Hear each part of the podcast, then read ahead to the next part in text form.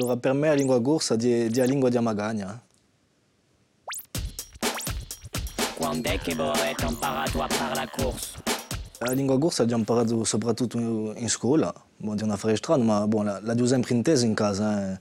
la giù inteso, eh, i miei parenti eh, parlavano, ma l'ho sempre capito, ma, ma l'ho imparato in, in scuola, ho la chance di, di fare un cursus bilingue, allora eh, da, da scuola moderna a collegio, enfin, al liceo, e eh, la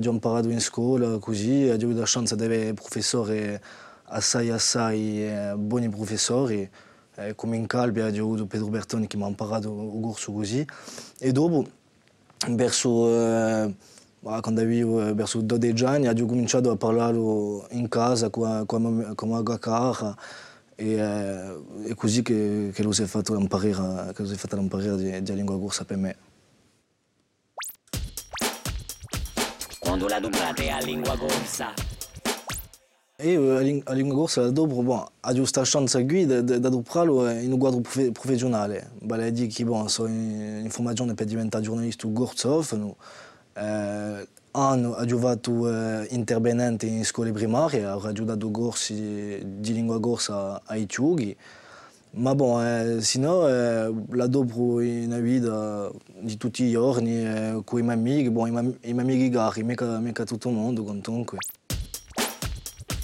Chi rappresenta per voi la lingua corsa? Eh, per me la lingua corsa è una particolarità di radio, è qualcosa che ha in più di certe persone. Per esempio, eh, a mia generazione, enfin, siamo pochi a parlare corso, eh, di, una, di, una, linea in più in un museo di radio. E poi mi aiuta perché mi aiuta in vita, in vita di tutti i giorni, perché ho trovato un lavoro eh, anno eh, grazie alla lingua corsa. Eh, quest'anno ho fatto una formazione, enfin, mi, so, sono presentato per fare una formazione di giornalista gorsofono, ci voleva avere un, un, livello abbastanza alto in lingua corsa. Per me è soprattutto che è una particolarità, è un affare in più, di una ricchezza, di una ricchezza culturale. E mi aiuta e ogni giorno che eh, faccio, faccio poco sbagli in francese. Grazie al corso, eh, la lingua corsa mi aiuta ogni giorno, francamente è così.